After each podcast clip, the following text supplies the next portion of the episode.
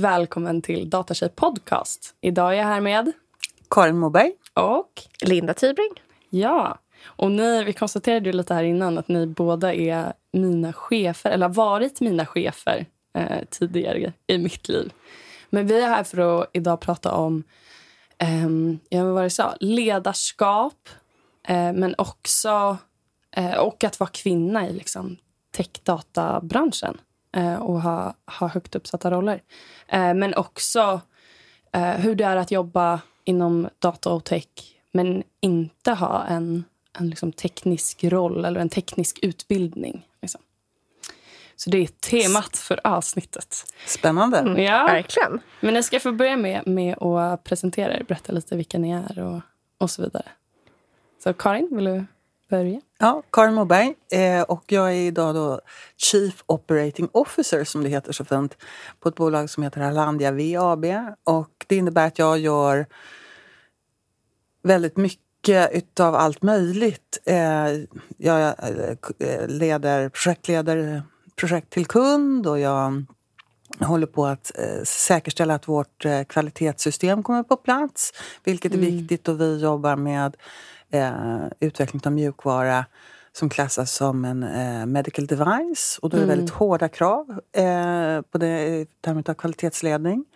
Eh, jag, har, jag är civilekonom i grunden. Eh, och jag har jobbat inom telekom eh, mycket under den stora delen av min karriär. Jag jobbade på Telia, jag var ansvarig för internet och bredband. När vi för 22 år sedan skulle skifta från uppringt internet till ADSL. Sådana tekniker som vi idag tycker är ganska förlegade. Jag var ansvarig för våra första portalsatsningar. Vi höll på med streamingtjänster. Jag brukade prata om att vi kunde erbjuda film via datorn men popcornen fick man hålla med själv. tyckte jag var jätteroligt. Ehm, och sen så har jag jobbat på olika sätt, på olika ledningspositioner i teknikorienterade bolag. Ehm, helt enkelt. Cool. Och jag då heter eh, Linda Tybring. Eh, jobbar idag som CFO, så Chief Financial Officer om vi ska prata fina titlar. Eh, och vad gör jag då? Jo, men jag är... ehm, jag brukar säga att jag sätter siffror på vår affär, enkelt sagt. Men självklart jobbar jag med investerare och ser till att vårt maskineri när det kommer till redovisning och att vi analyserar våra siffror och så vidare. Och jag jobbar idag på ett bolag som heter Tobii Dynavox. Och vi gör kommunikationshjälpmedel till barn och vuxna som inte kan prata.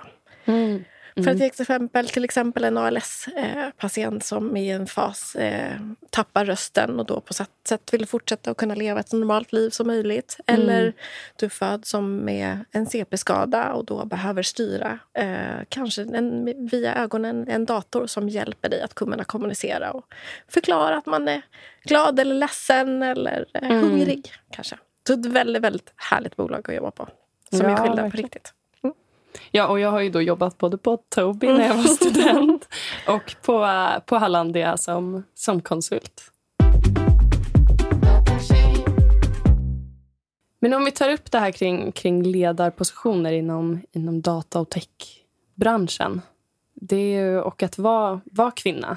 Vad, ni som har haft många olika ledarpositioner, vad, vad tänker ni kring det? Väldigt bred. Ja, och jag skulle säga jag har upplevt eh, olika världar. Jag kommer Ja. och jobbat i en mjukvaruvärld där det var väldigt mycket killar. Jag upplevde själv inte att det var något problem på det sättet eller att jag kommer med en bakgrund på finans. Det är klart att ibland så blir det tekniska diskussioner som jag inte alltid förstår men med rätt teknik som ledarskap, att kunna ställa rätt frågor så kan man till slut nå fram och förstå vad det är man vill ha gjort. Nu jobbar jag på ett bolag som vi är ju medicintekniskt bolag och ganska mycket innovation och teknik. Men vi är ändå... Många av våra anställda är logopeder och vi är faktiskt 50-50 anställda, eh, kvinnor och män. Vilket är väldigt intressant i ett techbolag på det sättet. Mm. Så att jag, kan inte upp, jag upplever inte att det har varit en utmaning för mig att komma in som tjej i teknikvärlden. Ehm, det kanske snarare varit min utmaning att jag kommer från finanssidan och försöka förstå.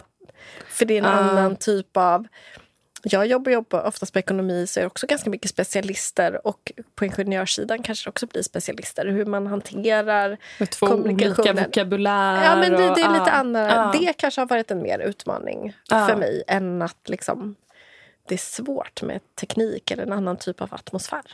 Mm. Faktiskt. Det skulle jag säga spontant. Vad säger du? Det är som två dimensioner i det hela. Det ena är det här att vara kvinna. Ja.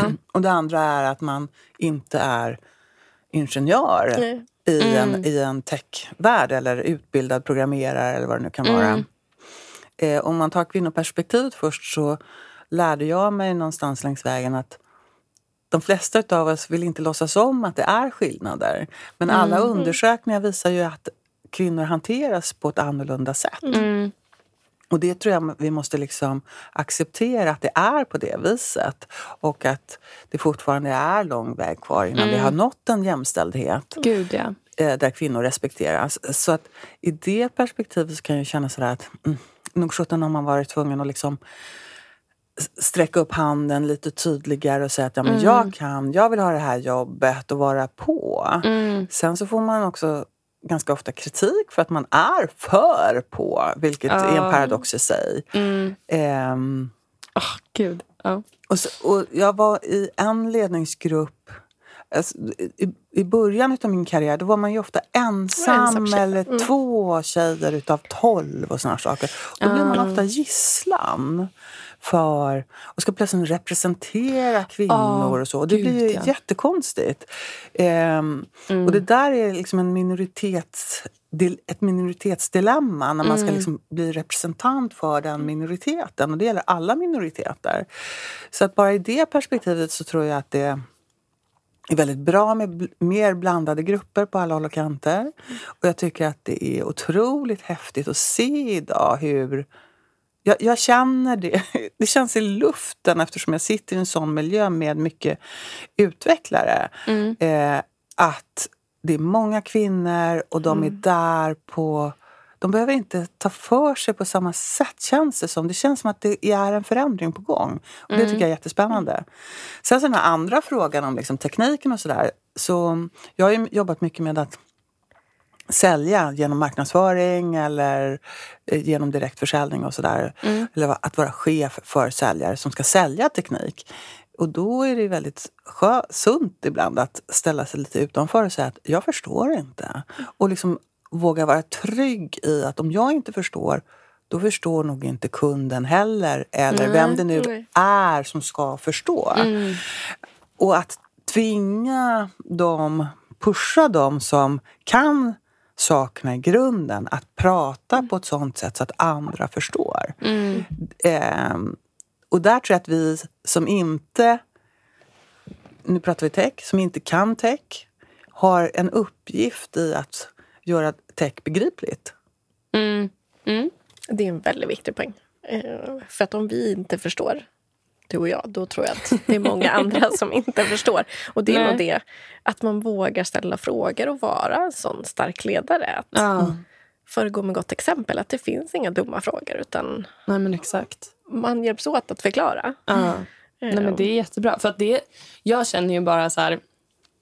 Att bara ta exempel i den här podden. Jag vill ju att, att alla som lyssnar, även om man går i gymnasiet så, och inte har liksom... Man kanske har haft en, möjligen en liten programmeringskurs eftersom att det är ju obligatur, obliga, Nej, det kanske inte är... Jo, det är kanske obligatoriskt på högstadiet, va? Att ha lite programmering, tror jag. Det är det. Aha. Ja. Så det, det kanske man har haft då, då men, eh, men inte har något större intresse eller liksom så. Så vill jag ändå att man ska kunna hänga med och förstå. Och att tar man upp en, en techterm så brukar jag försöka så här, men nu förklarar vi det här lite kort. Bara så att man hänger med om man aldrig har hört det. För att blir det för många ord som man aldrig har hört, då stänger ju hjärnan av. Liksom. Men i, eftersom att det här är begrepp som är vardags, vardag för mig så är det jättesvårt för min hjärna att bara ping, det här är ett begrepp inte alla kan. Och därför kom ihåg att förtydliga det. Så att jag, jag förstår verkligen att det... Eller jag, jag känner själv att det är jättesvårt att bara nu ska jag göra mitt bästa för att förklara det här så tydligt som möjligt. Men så är det som att jag har glömt bort vad mina referensramar var när jag gick i gymnasiet. För jag var en sån tjej som tyckte att programmering och dator var det töntigaste man kunde hålla på med. Liksom. Så att, ja, det, jag tycker att det är jättebra tänker jag, att, att ni kanske får ta den rollen och hjälpa oss. Och jag såg inte det som ett alternativ, men jag kan känna nu att, oh, det här, alltså att läsa eh, utbildning till programmerare. Men, Ja. men jag kan känna nu att det hade ju verkligen varit kul att göra. Ja. Spännande spår att välja. Mm. Ehm, för det finns ju så otroligt mycket möjligheter. och, och sen så också det här att det finns en logik. Jag gillar det. Jag gillar Mm. logiska saker. Mm. Ja, men verkligen. Det är därför jag vill hålla på med det. ja, jag tycker att det är väldigt, det är väldigt nice.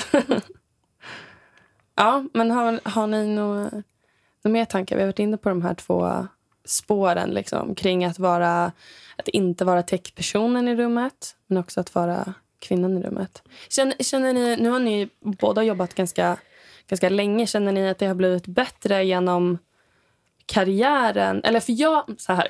Jag kan känna ibland att kombon att vara kvinna eller tjej och vara yngst är liksom, blir som sämst. Kan ni, eh, känner ni igen er i det när ni var, var yngre eller nya? Jag, jag har ju bara jobbat i två år. Ja, men då är man tillbaka till det där jag pratade om att man blir gisslan. Ja. Eh, och och det, att man kan...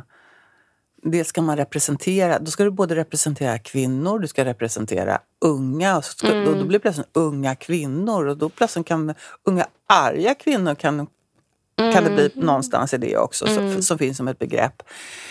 Ehm, och där tror jag att det är bättre om det är att man ska söka sig till grupper där man inte är ensam tjej. Utan att det är bättre att vara i blandade grupper. Det går inte att komma ifrån. Så att man får vara sig själv. Ehm, och, och vara den man är. Med, liksom, Och få spela på hela sitt egna register. Eh, sen så kan jag ju tycka det roliga med att bli äldre, en av de få roliga sakerna med att bli äldre är ju någonstans den här erfarenheten och kunna känna så att ja, men liksom om någon då tycker att jag är jobbig och besvärlig när jag ställer frågor då ler jag lite grann och så tar jag det en gång till. För jag känner mig trygg i att de här frågorna behöver ställas och vi behöver få höra svaren Mm. eh, på ett lite annorlunda sätt, lite tydligare och så vidare. Mm. Och, och, och den tryggheten kommer ju mycket med erfarenhet. Mm. Absolut. Det är ju väldigt... Alltså, som sagt det är ganska skönt ibland när man blir lite äldre. Man står lite tryggare i diskussioner, man vågar utmana folk Ja. på ett annat sätt. Man tänker kanske inte huruvida det är en tjej eller en kille som sitter på andra sidan när man diskuterar. Mm. Men det är klart att jag tänker nog väldigt mycket på, för vi har haft diskussioner eh, hos oss, eh, verkligen att se till att alla blir hörda. Mm. För det är ganska lätt eh, om du jobbar hierarkiskt. Det är olika kulturer internationellt. Det är väldigt annorlunda. Jag tror att vi är mycket mer öppna i Sverige Mm. kontra hur det ser i andra länder. Och då får Ja. man verkligen... Och då är ju, det är ju, vi seniora ledare måste ju se till att vi faktiskt bjuder in. Och att vi ser när man inte lyssnar när man borde lyssna. Mm. Det, det kan jag nog märka i möten fortfarande. Att det är lätt att glömma bort vissa. Och framförallt kvinnor ibland. Mm. Ja, men exakt. Det Nej, finns ju en spännande mm, reflektion som man har gjort. Google har ju tittat på det här med Åh, ska du säga team. samma sak som jag tänkte säga nu? Det här är jättebra. Nej, och det här är att team där man fördelar talartiden eh, jämnt mellan de som är i rummet. Det är högpresterande team. Eller det är tecken på högpresterande team.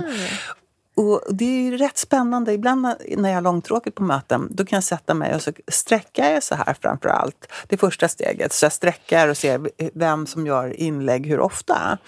Så, så, så kan man se liksom hur, hur antalet inlägg fördelar sig över rummet. Och sen så man ser en intressant bild då kan man ju gå vidare och börja så här lite smyg klocka. Hur, hur mycket talartid tar man? exakt. Eh, och då finns det ju massa spännande övningar Mm. för att komma åt det där. Men att bara att göra dem i rummet medvetna om det faktum att det finns en snedfördelning Mm. eh, skapar ju ofta en väldigt eh, rolig effekt. Därför att vi ser inte det. Nej, för det där, jag, tänk, jag skulle säga det är en liknande studie som jag tänkte på, men inte riktigt samma. Men som är att Man, hade, man, man lät det vara en, en diskussion eh, och sen så fick deltagarna efteråt ratea hur stor andel kvinnan versus mannen deltog. Hur lång tid talartid de personerna hade procentuellt. Eh, och när mannen pratade 70% och kvinnan pratade 30% då ratade båda att de trodde att de hade pratat 50% Medan om det var 50-50, då ratade båda att de trodde att kvinnan hade pratat mest. Så det finns liksom en bias, enligt den här studien, då, hos både oss kvinnor att om vi tar mycket plats så känner vi shit nu tog jag mm. för mycket plats. Mm. Även fast man bara tog lika mycket plats mm. som, eh, som den andra deltagaren som då var en man. Liksom.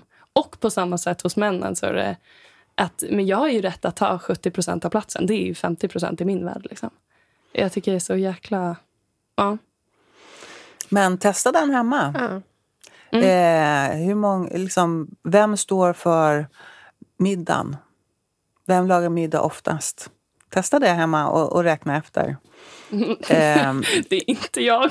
nej, nej, men det kan, jag, jag, tror att man ser den typ, kan se den typen av tendenser i, mång, mm. i många, liksom, på många områden. Ja, gud ja. ja. Nu, eh, vad ska man säga? Jag tror att hade inte jag haft en vardag där jag spelar in en massa poddar och gör en massa saker vid middagstid, då hade det nog absolut kunnat vara åt andra hållet. Så jag har väl tur att jag... Och i och för sig också har det att göra med att min eh, sambos fotbollssäsong har slutat nu, så han har inte fotbollsträningar hela tiden. Så då är han hemma och lagar mat. Men, men ja, jag håller med. Det, det blir de här dolda grejerna som man inte riktigt ser förrän man uppmärksammar det. Ja, men och det tror jag, jag har fått mm, tillbaka till situationen på jobbet. Att jag har nog fått läxa flera gånger att man... Jag har varit så van vid att jobba med mycket män. Man har suttit i styrelser och rapporterat till styrelser. Det är oftast majoriteten män. Nu har vi fördelen att vi är faktiskt fler kvinnor än män i, mm. styrelsen. um, men historiskt sett och då har man varit så van vid att man själv måste göra sig hörd. Mm. Att jag har nog suttit i ganska många möten där jag inte ens har reflekterat över att det är vissa kvinnor som inte får göra sig hörda. Mm. Så att jag tänk, har senaste åren tänkt jättemycket på det. Mm. För att jag själv blivit förvånad över hur jag inte själv reflekterar över att alla inte blir hörda. Mm. det behöver inte alltid vara kvinna man heller. Men, men att verkligen som ledare säkerställa och mm. lite som du säger, vilka är det som pratar egentligen? Att reflektera. Jag tror det är jätteviktigt. Ja, exakt. Och även i de... För jag känner, jag är ju en sån som gillar att diskutera och prata och mm. ge mig in. Och jag känner i de situationerna, när det är ett ämne som jag har en åsikt om eller brinner för, då har jag ju ännu svårare att uppmärksamma mm. att det kanske är någon annan att komma ihåg och fråga den som är tyst. Då ser jag ju bara den som, är, som jag diskuterar med. Och så, så efteråt så kan jag bara, nej men gud, det var ju den här personen kanske också hade åsikter. Eller liksom. Medan det är ju lättare om det är så här, det här bryr jag mig inte lika mycket om. Så nu har jag tid att vara lugn och se alla i rummet. Typ. Men det där är ju, det där är ju ett ledardilemma.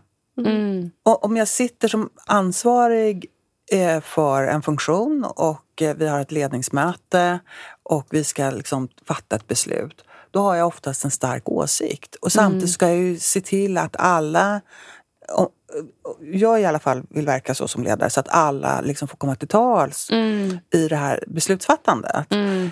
Och det där är en stor eh, utmaning faktiskt. Mm. Att just när man själv har en åsikt, att klara av att distansera sig och också hantera sin andra uppgift, nämligen att se till att det blir ett bra ja. beslut för den här gruppen.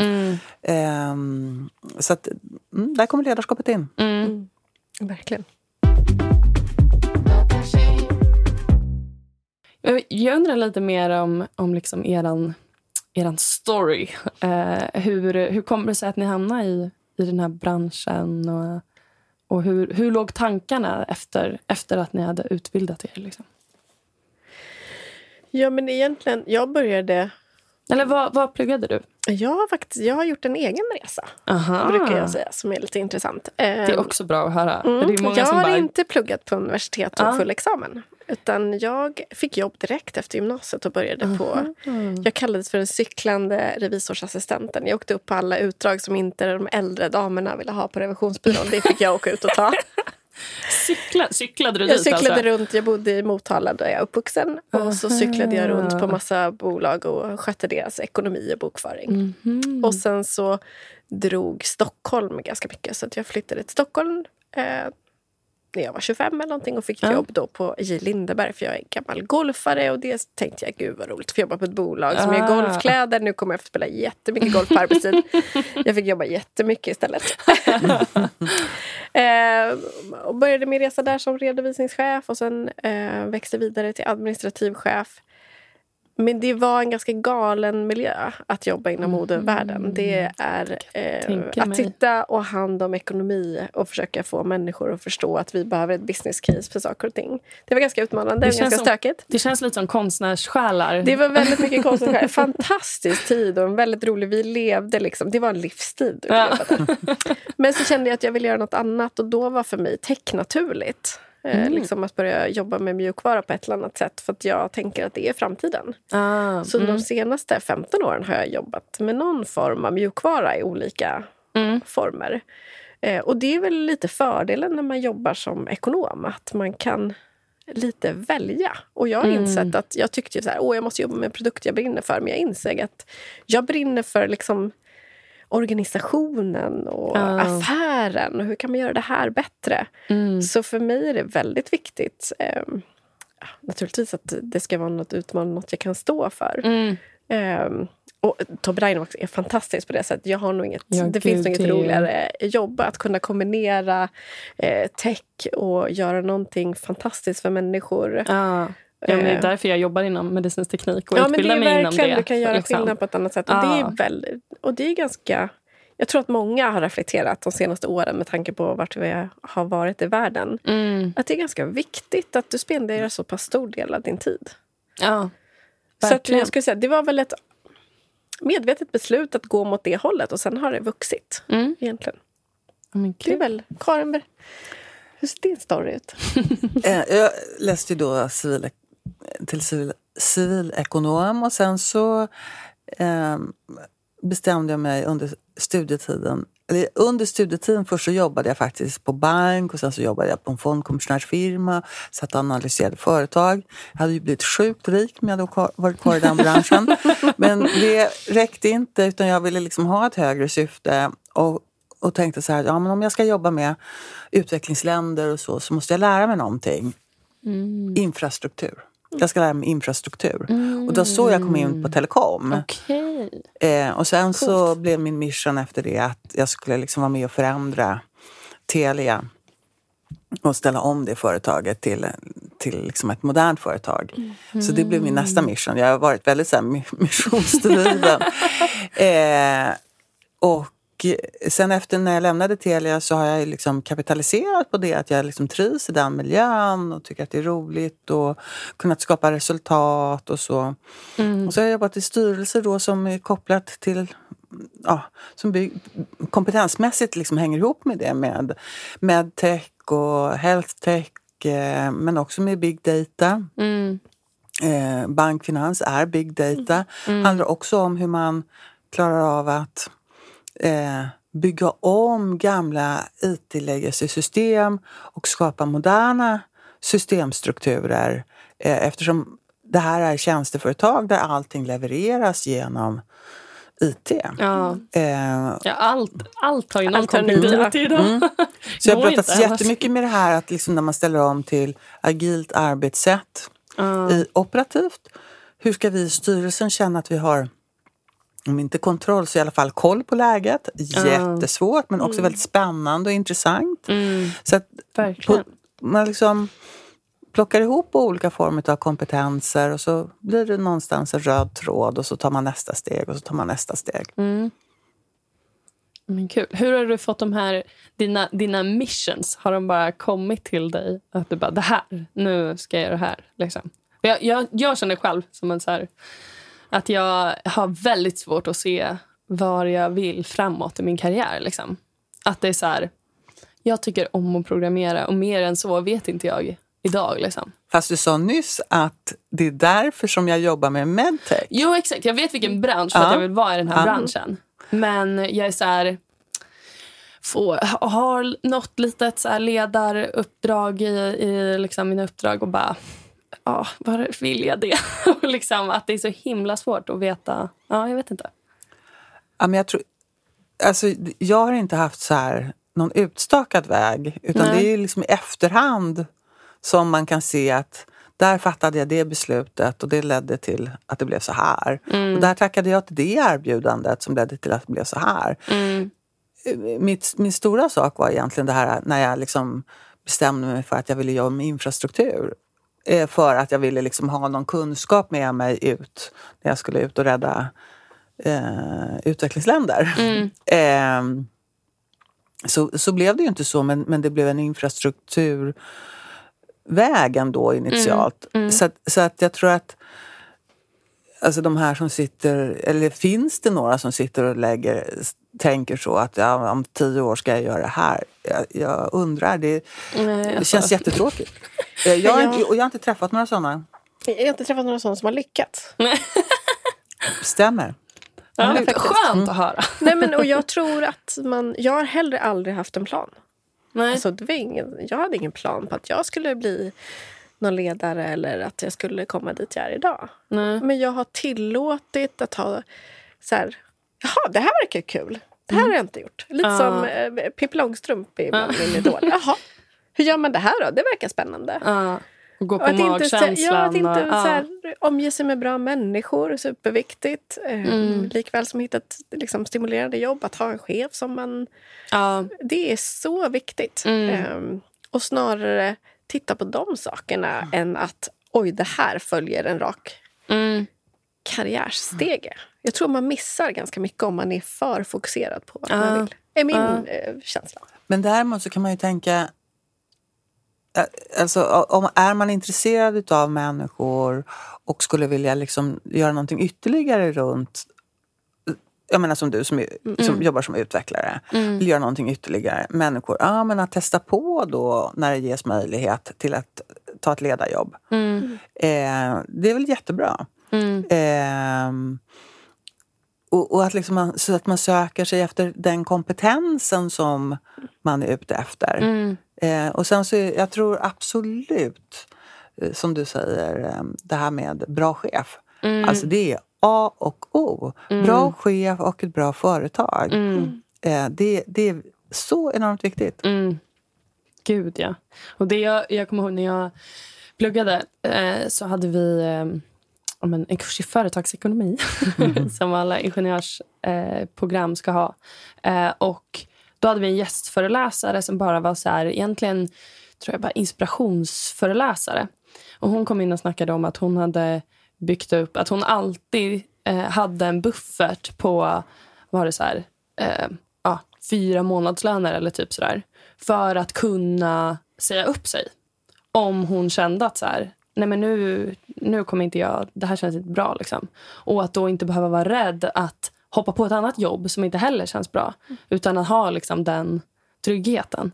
Och det, nu trivs jag jättebra på mitt jobb. Men jag tycker ändå att det känns så skönt att ha det. Mm. Att veta att så här, om det skulle bli värsta konflikten nu på jobbet och jag känner att nej, då, då behöver inte jag sätta mig och börja panikleta andra jobb för att jag bara vill byta. Liksom. Uh, så det tycker jag är ett jättebra tips. Det är ett jättebra tips. Ja.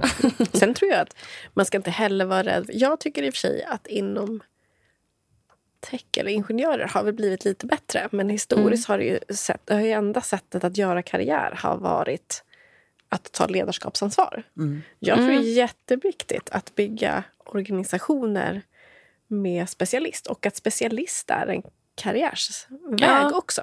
Det tycker jag är väldigt viktigt. Ja. För alla tycker inte att det är kul med ledarskap. Eh, och alla vill mm, kanske snarare, vissa vill fördjupa sig i det kan vara för någonting. Ja. Och det är en del som känns spännande nu. Mm. Alltså i den nya, den nya tiden, eller den tiden som är nu. Att det känns mer naturligt att det finns plats för specialister mm. och möjligheter mm. för specialister. Att få vara specialister och liksom frodas i det och att det liksom ger utdelning i lönekuvertet, att det Ja, ger utdelning i större befogenheter och så men att man behåller sin, liksom, sitt fokus, man är specialist. Ja. Och det, det är jättehäftigt. Sen är det också häftigt Alltså på min tid, och jag har tyckt så här, jag har periodvis jobbat då med marknadsföring och kommunikation och det är ju lite så här svåra områden för det är svårt att mäta. Idag kan man mäta mycket mer inom marknadsföring än vad man kunde förr. Mm. Men då sa vi alltid att ja, men, jobba med försäljning för då, där kan man mäta resultatet. Sin Och kan du Mm. framgång, mäta liksom. resultatet, ja. precis. Och dels vet du själv på fredagen om du har gjort ett bra jobb eller inte. Mm. Men sen också så är det lättare att liksom få andra jobb. Mm. Men jag menar på det sättet som man idag till exempel kan utvärdera kod när man anställer folk. Plötsligen så, alltså vi, vi går ju mer och mer, det här med datadrivet innebär ju att vi går mer och mer mot en merito, meritokrati. Där, där, där är liksom meriter är viktigare. Jag, säger, jag drar lite grann på det där för att jag känner att det inte är, he, inte helt där ännu men det, vi går till hållet. Att meriter blir tyngre och tyngre snarare än kontakter, nätverk och så vidare. De delarna är också viktiga men, men meriter får, får ta större och större plats. Och det är ju urspännande. Ja, verkligen. verkligen. Jag, jag, jag håller verkligen med om det här med att alltså specialistgrejen. liksom. Och att jag tror... Nu ska vi prata om ledarskap, så jag ska inte vara neggig om ledarskap. Men att jag, jag har nog känt, eller kan nog känna lite att det är typ att vara att vara lite socialt kompetent och snackig och så, här, så i, i den här... Eller, och vara tech, så, som, som jag ser mig själv som att jag är. Eh, så är det som att det kan bli lite en curse för mig. Att jag känner att många då bara, du borde ta ledarskapsuppdrag.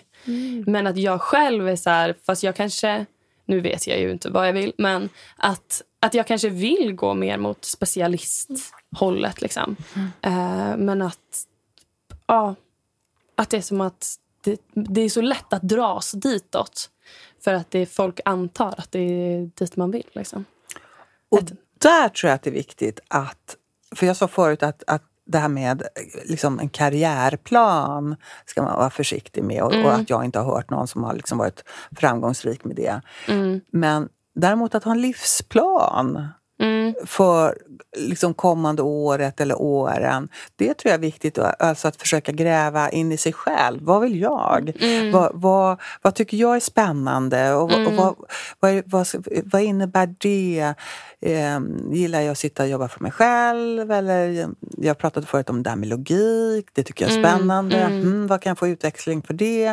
Eh, nej, men jag gillar det här när man sitter och jobbar och programmerar två och två. Mm. Alltså massa sådana Så att mer det här, vad är det för kriterier som gör att jag trivs på jobbet? Mm. Om man har koll på det, då om det kommer såna här förfrågningar om om du kan ta det här ledarjobbet eller Mm. någonting som... Alltså för man blir ju lite förförd. Ja. Eh, ja. när- Man blir smickrad. Ja, man blir supersmickrad. Och då gäller det att liksom ha koll på vad vill jag? Ja, men det Eh, jättebra tips. Och det behöver inte betyda då stort, stor karriärplanering utan bara ha koll på vad jag vill, vad jag gillar. Ja. Så att man just inte blir så här smickrad. Vad Om mår man, bra av? Ja. Och inte heller ta det som ett misslyckande. Om du tycker att det är kul med ledarskap, prova. Mm. Sen kan man ju dra världens lärdom av det. Nej, men det här var nog inget för mig. Nej. Jag insåg att Mm. jag vill gå åt det här hållet. Att inte vara rädd för att... Men att som du säger, hela tiden kanske reflektera över ja, men vad, vart, är jag, vart blir jag som bäst? Mm. Vart blir jag mitt bästa men jag? jag tycker också det här som du sa, det är jätteviktigt.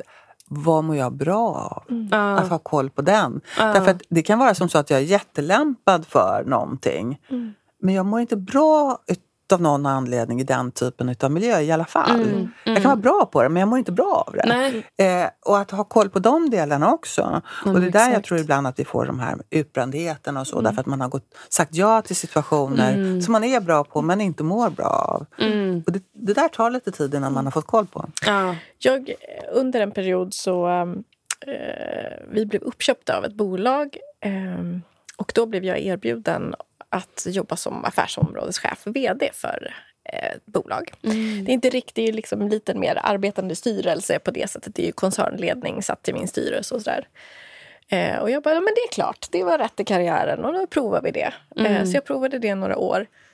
Och jag reflekterade, jag tyckte det var jättejobbigt. Mm. För jag hade lagt på mig en förväntan att jag skulle vara strategisk. Och jag skulle sitta där och fnula ut vår affärsplan och vi skulle vara strategiska.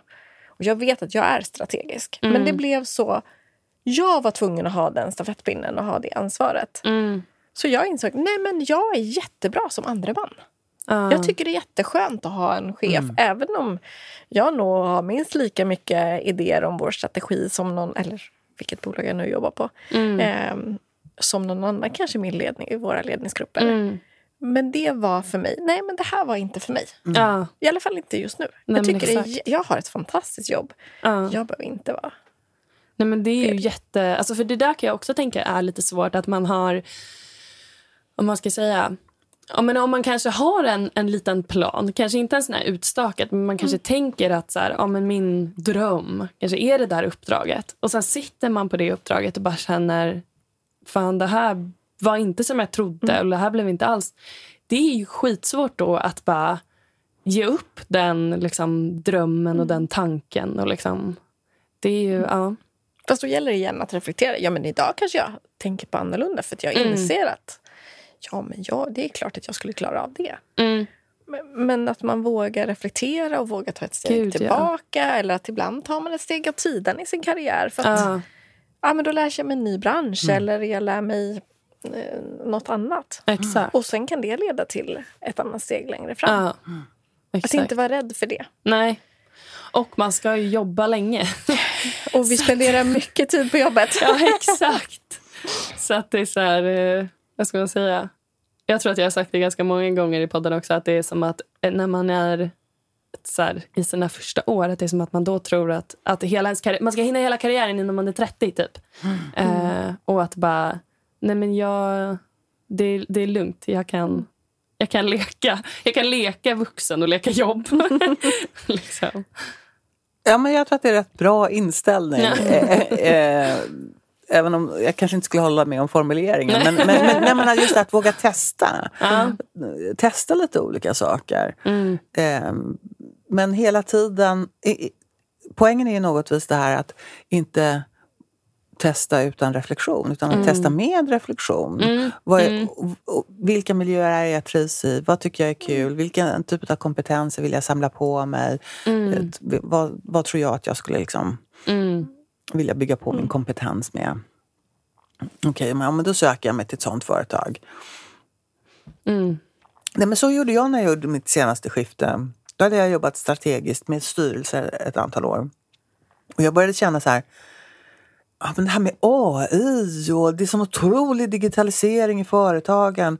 Ja, jätteintressant att jobba med det från styrelsenivå men mm. jag, jag, kände att jag tappade min edge på något sätt. Mm. Så jag ville gå mer operativt. Mm. Och nu har jag gjort det här mm. under de senaste tre åren. Det var mm. jättekul. Men att tänka igenom de här besluten och fundera på varför man gör vissa saker. Nej, men gud. Jag känner att det är jättebra. Det känns som att jag sitter med två mentorer och bara blir coachad. Det känns så skönt.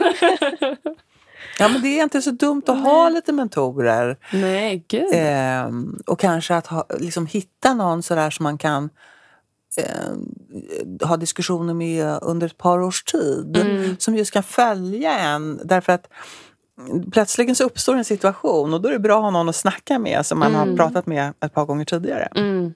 Ja men verkligen.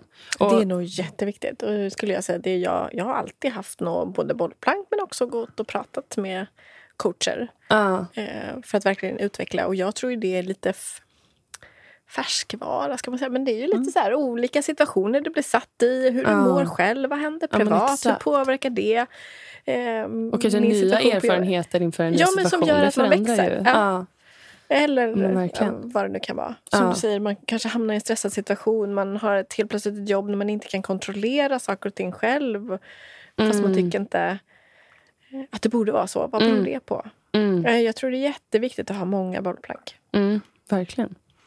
Och det är intressant för det kopplar egentligen tillbaka till där vi började, nämligen det här med att jobba i den här techvärlden och att inte vara tech själv. Mm. Nämligen att då har man distans till det och så vågar man ställa de här frågorna och tänka det här som vi sa att ja, men jag blir nästan som kundens röst. Om jag inte förstår så kommer inte kunden förstå. Och vad det handlar om är att ha distans. Och du, nu tar du upp det igen. Att gå och prata med någon som har distans. Ja. För du är expert på dig själv. Ja. Och därför så blir du lite distanslös. Och du behöver någon som håller upp en spegel och, framför dig och liksom har den där distansen till dig. Och jag tror att det är jätteviktigt. Eh, och att inse att det är allmängiltiga företeelser. Det, finns, det är ingen som är proffs liksom. Utan vi behöver alla ha den här hjälpen. Eh, och få andra perspektiv. ja, verkligen. Jag, vi är också ganska... Vdn som jag jobbar med nu, vi har jobbat ihop tidigare i bolag, men vi eh, och i vår ledningsgrupp nu, så vi har, jag brukar kalla det ibland personlig PT i form av att vi har en ledarskapscoach som kommer in. Och jag tror att det är superviktigt för oss som ledningsgrupp. Vi står alltid inför nya saker som händer och vi måste utveckla oss och förändra och måste kunna ta till feedback. Och det där är lite beroende på vad vi som bolag står inför. Hur mår vi som personer i ledningsgruppen? Hur utvecklar vi? Hur skapar vi vårt high performing team till exempel? Så vi har alltid haft eh, coacher som har jobbat med oss som grupp också. Häftigt. Jag, jag tycker att Tobii Dynavox låter som ett företag som man ska söka sig till. Det låter som en riktigt bra arbetsplats. Det är en väldigt bra arbetsplats. Jag kan verkligen rekommendera. Vi behöver många bra talanger. Ja, Jag trivdes väldigt bra som student. Det var väldigt härligt att komma in. och bra, jättebra. Alltså jag tyckte att det var väldigt skönt att jobba på en bra arbetsplats som liksom min första riktiga arbetsplats också. Alltså om du förstår vad jag menar. Det så, Ja. gav mig bra referensramar. Liksom, eh, också. Nu, jag är väldigt partisk. Så att jag, jag, jag är väl också partisk. Men det är oftast feedbacken vi får ehm, från nyanställda. Det är just att det är så här genuint. Eh, man tar hand om varandra, men det är nog lite beroende på vad vi gör. Oftast människor som jobbar hos oss eh, har kommit på grund av en anledning. Att man kanske har ett barn med någon funktionsnedsättning eller en kompis som har varit med om en olycka och på något sätt behöver här hjälpmedlet. Så att man har ett inre driv också. Eh, så att jag tror den kombinationen gör att man brinner verkligen eh, och jobbar hos oss. Men jag tror att det är någonting mer där Ja. i det du sa. Eh, Alltså det låter som ett väldigt medvetet ledarskap. Absolut. Eh, och det låter så... Alltså för att en arbetsplats ska fungera riktigt bra så behövs det just det här medvetna ledarskapet. Och det behövs såna här tråkiga saker som bra rollbeskrivningar, en ty eh, tydlig organisation. Den blir aldrig supertydlig för att vi har med människor att göra. Men det måste ändå sådana basala saker gör att en arbetsplats fungerar på ett bra sätt. Och det, det är det som jag hör bakom Jo, men orden dig absolut, som gör, som gör att jag säger det jag säger. Ni får komma på studiebesök. Ja! Gärna.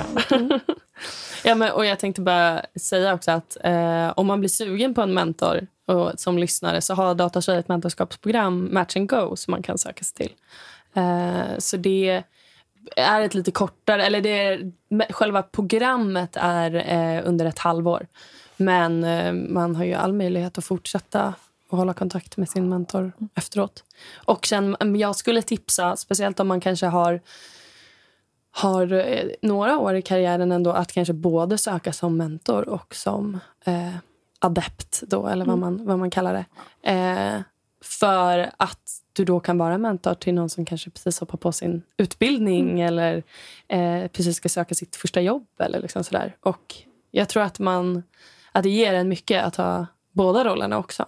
Eh, liksom. Det är väldigt utvecklande att vara mentor också. Låter, låter fantastiskt. Ja, det tror jag jättebra. Du får söka som mentor. och vara Ja.